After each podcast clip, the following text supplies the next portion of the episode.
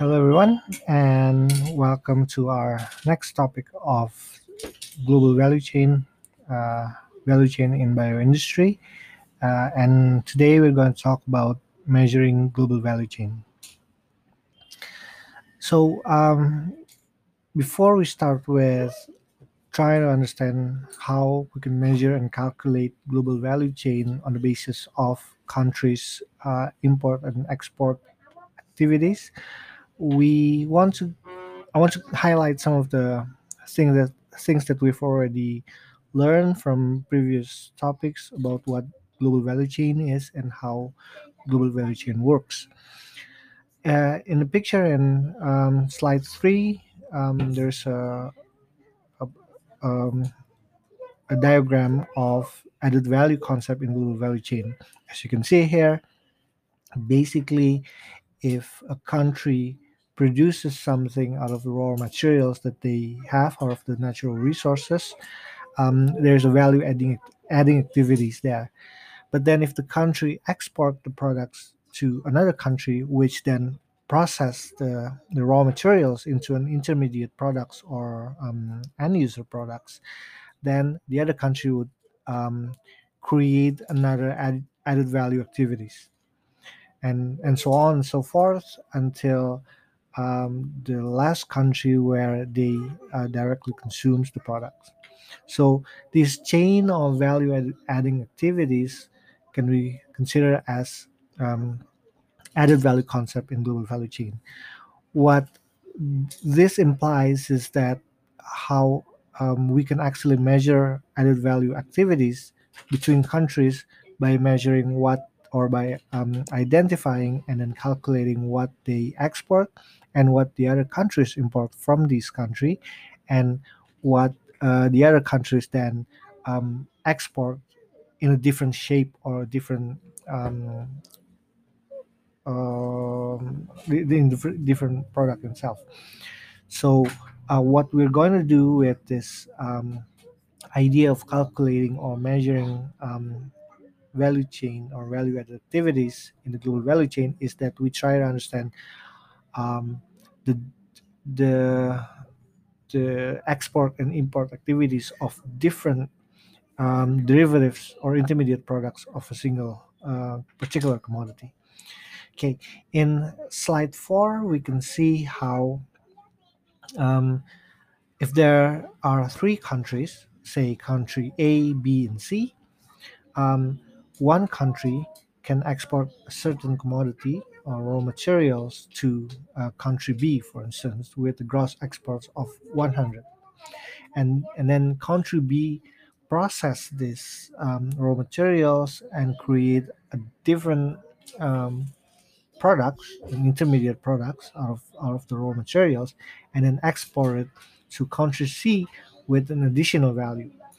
Um, say that the, the value of uh, the imp- export value from country B is 110, which means that country B has actually added a value to that commodities uh, by the sum of 10. And so what country A contributes to uh, country C is uh, a value of 100, whereas country B contributes a value of 10, with a total value of the end products equals to 110. So this is the basic schem- schematic um, of trade in value added. And so if we try to understand a more complex relations between countries in terms of um, global value chain, we can see here, for instance, um, there's a country that create value through assembling of different commodities. There are countries that provide raw materials, which we consider sometimes as first tier suppliers, and then there are countries that provide a raw material for uh, an intermediate products that then in the end would be assembled by country uh, the country number one. So this is what we call the second tier suppliers and so from 100 percent of um, value of a certain end products, you can sort of divide um, divided the the the proportion of value added from each different country. So, say uh, country one provides around 25% of the value within a certain products. Country uh, two, three, and four provide um, say another 25% and then country 5 6 and 7 uh, provided uh, the last you know say 50% for instance. So that's the idea of uh, trying to understand the linkages of different countries to form um, uh, a value of a certain products uh, through a complex set of relations within the global value chain. So why do measuring global value chains become important? Um, firstly, because as you can see in slide six, um, we can see how a particular country is um, linked to global activities um, in, a, in a way that um, how their involvement is being sort of um, um, shared um, how how how big is the contribution of a, of a country to the global or international trade. Here you can see there is a difference of um, of, of um, domestic contents of exports, which is a proxy of understanding global value chain. And y- you can see here that more and more countries are actually reliant on external um, raw materials, uh, or more and more countries are linked uh, basically to the global uh, networks in their export and import activities. Say if you look at the diagram here and see Japan for instance you can see that there is a decrease in the domestic contents of exports.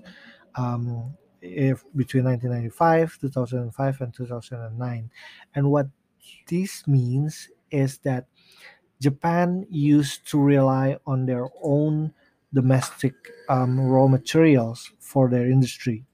But um, then they become reliant on raw materials provided by other countries. And so that's why the domestic contents of their exports um, uh, is decreasing year after year okay so so the basic message here is that you don't want to see a country being self um, reliant or being independent, but you want to actually see countries to be interdependent. So you want to see how um, countries are performing um, role as being the raw material providers. Some other countries provide or process these raw materials. Some other countries sell raw materials um, or process to an intermediate products and um, end products. So that's the basic idea. So uh, this is the first part of the of the uh, uh, the podcast, and we'll um, I'll try continue on to the next um, segment.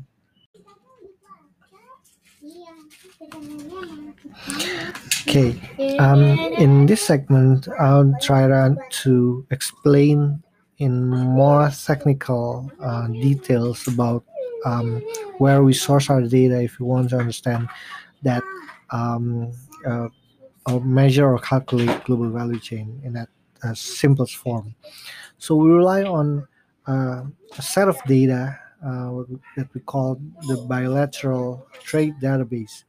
So it's a it's a it's a database uh, being populated and being compiled by the United Nations Statistics Divisions of Comtrade database. And basically, what they're doing is they're compile, compiling value and quantity of export and import based on product classifications. So they have a particular standard of how you classify export and import products and commodities, as well as the source of partner. Uh, sorry, as well as the partners in terms of uh, import source or export destinations. So basically, with this data, you want to first uh, find out which one can be seen as the declaring country, the country that provides the information. So each country provides different set of information, um, and then we identify this first, and then from this country we can identify the types of commodities that they export or import, um, as well as the partner country, the um, country of origin for the for the imported products, as well as um, countries that where they um, they become the, the export destination for the products. The UN Comtrade use what in the international trade uh, is called harmonized system. So it's basically an international codification and classification system for traded goods, um, where you have um, nested um, classification systems starting from the larger, the largest uh, categories, which is um, uh, we call section, and you can find uh, different sections, different names of sections. There's vegetable products, there are um, you know, processed foods, I guess, uh, meats, uh, you know, those sort of things. And then the second layer would be what we call chapter, and then you can sort of classify these uh, different uh, other smaller groups like cereals, and then there are headings. For instance, from cereals, we can have wheat, rice, um, oat, for instance, and there are subheadings. In usually in the way they process the the or the intermediate products of of the of the heading. So, for instance, with rice, the subheadings would be, uh, for instance, sem- semi-milled or wholly milled rice, uh, polished rice, glazed rice, um, uh, uh, ground rice, etc. Okay, so this harmonized system is was first established in 1988 by World Customs Organizations or WCO, um, and uh, I think the first recorded harmonized systems consist of 21 sections. Um, there are 99 chapters below it, and then there are uh, 1,244 headings and more than 5,000 subheadings. And the classification systems always change uh, periodically, and the reason being is that commodities change. You know, there are more and more different sets of commodities, and so they have to adjust to that changes. So, uh, uh, up until now, there are the 1988 uh, HS, the 1996, uh, 2002, 2007, 2012, and then 2017. Um, so for each code, you have different, um, you have different, slightly different coding systems, but basically you need to find out whether your the data that you want to search belongs, or the, the categories that you want to sort of search, whether it belongs to uh, which types of HS. As long as as long as it is um, defined well, there won't be any problems in investigating it. So how how do you we use HS or what's the function of HS? Basic basically for customs in identifying the types of goods um, coming into a country or going from a country. Uh, that's useful for international statistics, just like what UN Comtrade uh, has done uh, in terms of rules of origin. So basically, if you wanna, um, sometimes you have to for many commodities or products, you have to state where this country comes from. And uh, the way you do so is that you have to be able to show that, that you have the same HS between one country and the other. You have the same code. And that's how you sort of trace the source of um, of a particular commodities or products. And then, of course, the, the customs also relates to taxation as well. If you want to tax, uh, put a tax on uh, intermediate products of cocoa, for instance, then you need to um, categorize or you need to compile which codes uh, links to um, to a certain um, derivatives of cocoa or coffee or any other, any other types of commodities um, for trade negotiation as well and then uh, lastly for goods monitoring that's useful because you know um, in terms of traceability, for instance, you need to know um, which country process what uh, into what types of uh, products, and using the the coding systems of the harmonized systems, you'll be able to do that more easily. Mm, so there's a convention between countries in um, agreeing to use harmonized system, uh, and it's um, basically a contract, and Indonesia is included in the contracting as a contracting party as well. And the roles of countries that are included in the in the convention um, are firstly to formulate nomenclatures for um, tariffs and statistics using HS. Um, we have to publish regularly uh, the um, products being imported and exported for statistics purposes, um, and we need to record that on the basis of the six-digit HS. Um, and then we also need to implement any amendments, any changes to the HS systems according to the given date. So basically, if you're if you're exporting, if you rec, uh, if if a country uh, trial documents um, export value in a certain year, say in 2018, then this country needs to comply with um, the the HS uh, the HS that's being used, which is the 2017, for instance.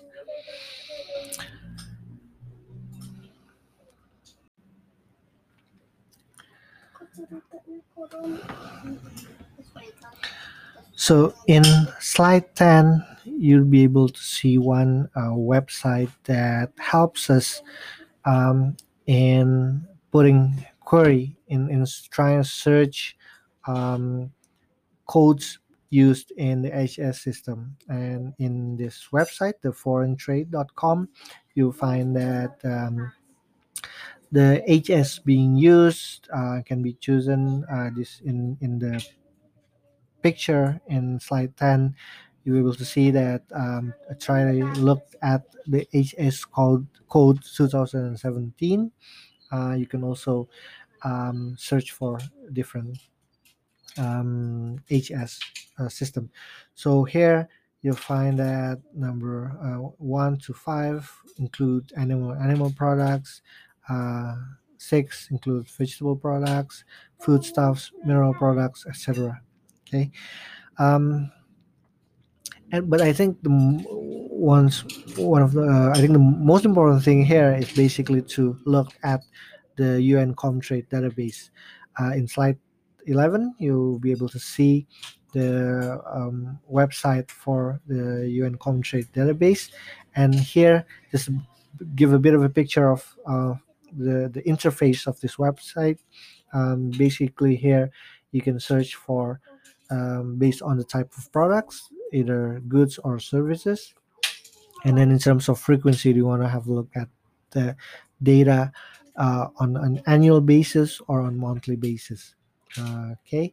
And the second one would be the classification. And so um, if you put uh, the data, uh, so classification sort of determines whether you want to use which type of HS.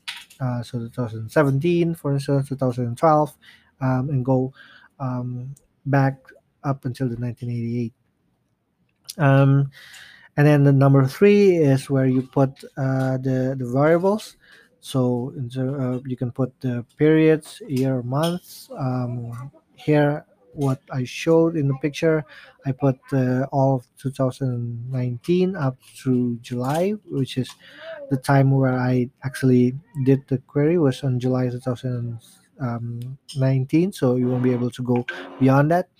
And I put the reporters, which is the the the recording country, the the, the central country that that um, sort of shares the data. I used Indonesia, and then I put uh, um, world as the partner. So with world, uh, by putting world, you actually have an aggregated data uh, from many different countries. But if you put all, then uh, the data would show all the countries that are included in the UN Comtrade database. And then you put the HS commodity codes. Uh, you can also um, write down uh, the keyword for the commodities. Say you want to look for rubber, for instance, just key in rubber, and then you'll find uh, different uh, HS codes for different um, uh, derivatives of rubber, including the raw materials itself. And then after you put all of the, the variables in the interface, then you you can get the data, or you can download the CSV, uh, and then you just need to uh, convert CSV into XLS or, or Excel file just just to get a an easier interface of the of the data. So um, um, in the in the class, I gave an assignment uh, how to use UN trade by trying to exercise um, having a query for international trade of single commodity. You can choose which commodity that you want, and then also try to find the derivatives or the intermediate products up to the end products of that single commodity. Uh, and then after you made that query, you need to uh, pay attention to the trend of import and export of that commodity over the last five years in a single country. And then you can also see how these country links with uh, other countries as the import sources or export destinations for that commodity. And you can also calculate the gross export or import and then trade trade added value just um, as you've uh, actually um, given a, a, bit of an illustrations in slide four of this uh, of this topic.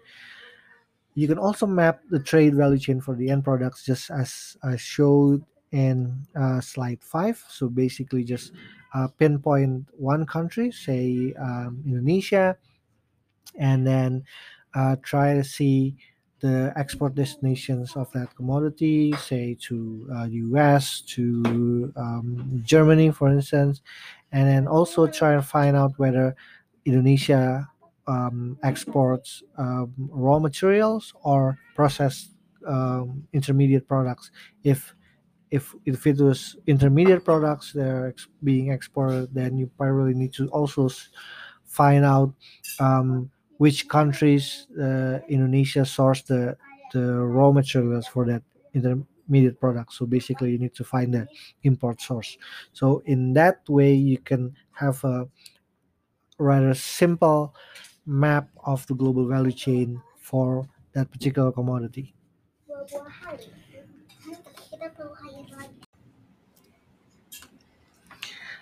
The last segment of this topic that I want to share with you is uh, on FAO stat. So, um, I've already mentioned about the UN Comtrade that uses HS data as um, of the reporting countries as the basis for the analysis of the of their statistics.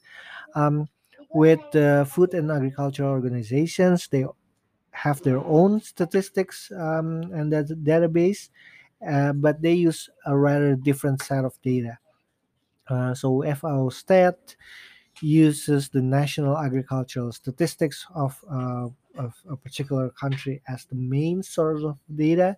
Um, they also uh, acquire data from other sources as well, including UN Comtrade uh, for for um, trade international trade data, um, and they also make some um, calculations based on uh, trends. So they make some um, uh, cal- analysis on the basis of a uh, of a proxy of data, and so some data can be as reli- reliable as the as the the source of the statistics but some others may be just basically a, a just to give a, a, a, general picture of the um, of the phenomenon rather than giving an exact data. Um, so you can see in slide 13, you can uh, click on the website and you can um, have a look at how um, the FAO stat uh, database is being structured.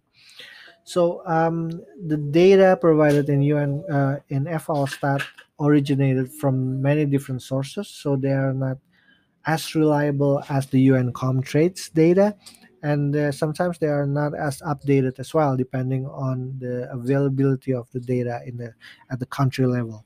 But it does have a wide range of coverage so you can see not only export and, or import of commodities but you can also see the production of that commodity in the country the trade value the food balance which uh, sort of calculated on the basis of the number of uh, the production of a single commodity in a country uh, in comparison with the consumption. Um, so there's food balance and there's commodity balance. So food balance sort of relates to the uh, level of consumption, uh, usually in terms of calories. But with commodity balance, you actually compare um, uh, the production of a single commodity in comparisons with the export of that commodity in many different forms, the import of the commodities, and then uh, in the end, the you get you, you analyze the data and you can get a, uh, the level of direct consumptions, which is pro- actually a proxy of of uh, or, or calculated uh, calculated uh, value based on production and uh, export and import activities. Um, then you can also have a, a, a different set, another set of data, which is on production factor, uh, investments, the use of energy, uh, waste, for instance, the use of fertilizer um, and whatnot. Okay, uh, slide 14 sort of shows the the the structure of the of the interface of the of this website, or you can have you know different queries. So, for instance, here you have productions detailed into crops, crops processed, um, animals, livestock primary, livestock process. You know, many different categories. Um, in terms of inputs, you can you can search for uh, the use of fertilizers in a country based on nutrients and based on products. Uh, you have pesticides use and trade as well. You can have data on populations of a country. You can have data on investments, macro statistics, um, forestry, agri-environmental indicators, and so on and so forth. Um, so you need to explore this furthermore, and so that's why the assignment uh, for the FAO stat data is for you to conduct a, a comparative study of countries in terms of their commodity balance of single commodity. So, for instance, you compare the, the production, export, and import of um, palm oil between Indonesia and Malaysia, for instance, over the last five years. And you also want to look at um, the commodity balance of a single country. So you want to observe, for instance, in terms of rice, you can actually look at how much rice is produced in Indonesia, how much rice is imported and exported, and you can sort of calculate from that the domestic consumption. Well, actually, you're not the one that's calculating it. The the machine does all the work, uh, and then you can also um, infer um, the dependency of a country to an imported product based on that set of data um, and then try to, observe the investment level of agriculture in a single country. You might not get a detailed data out of this, um, but some countries provide data better than other countries, so you might want to look at that. So this is uh, all that I can share with you for topic uh, three of this class, and see you on another uh, interesting topic from uh, value chain in bioindustry class.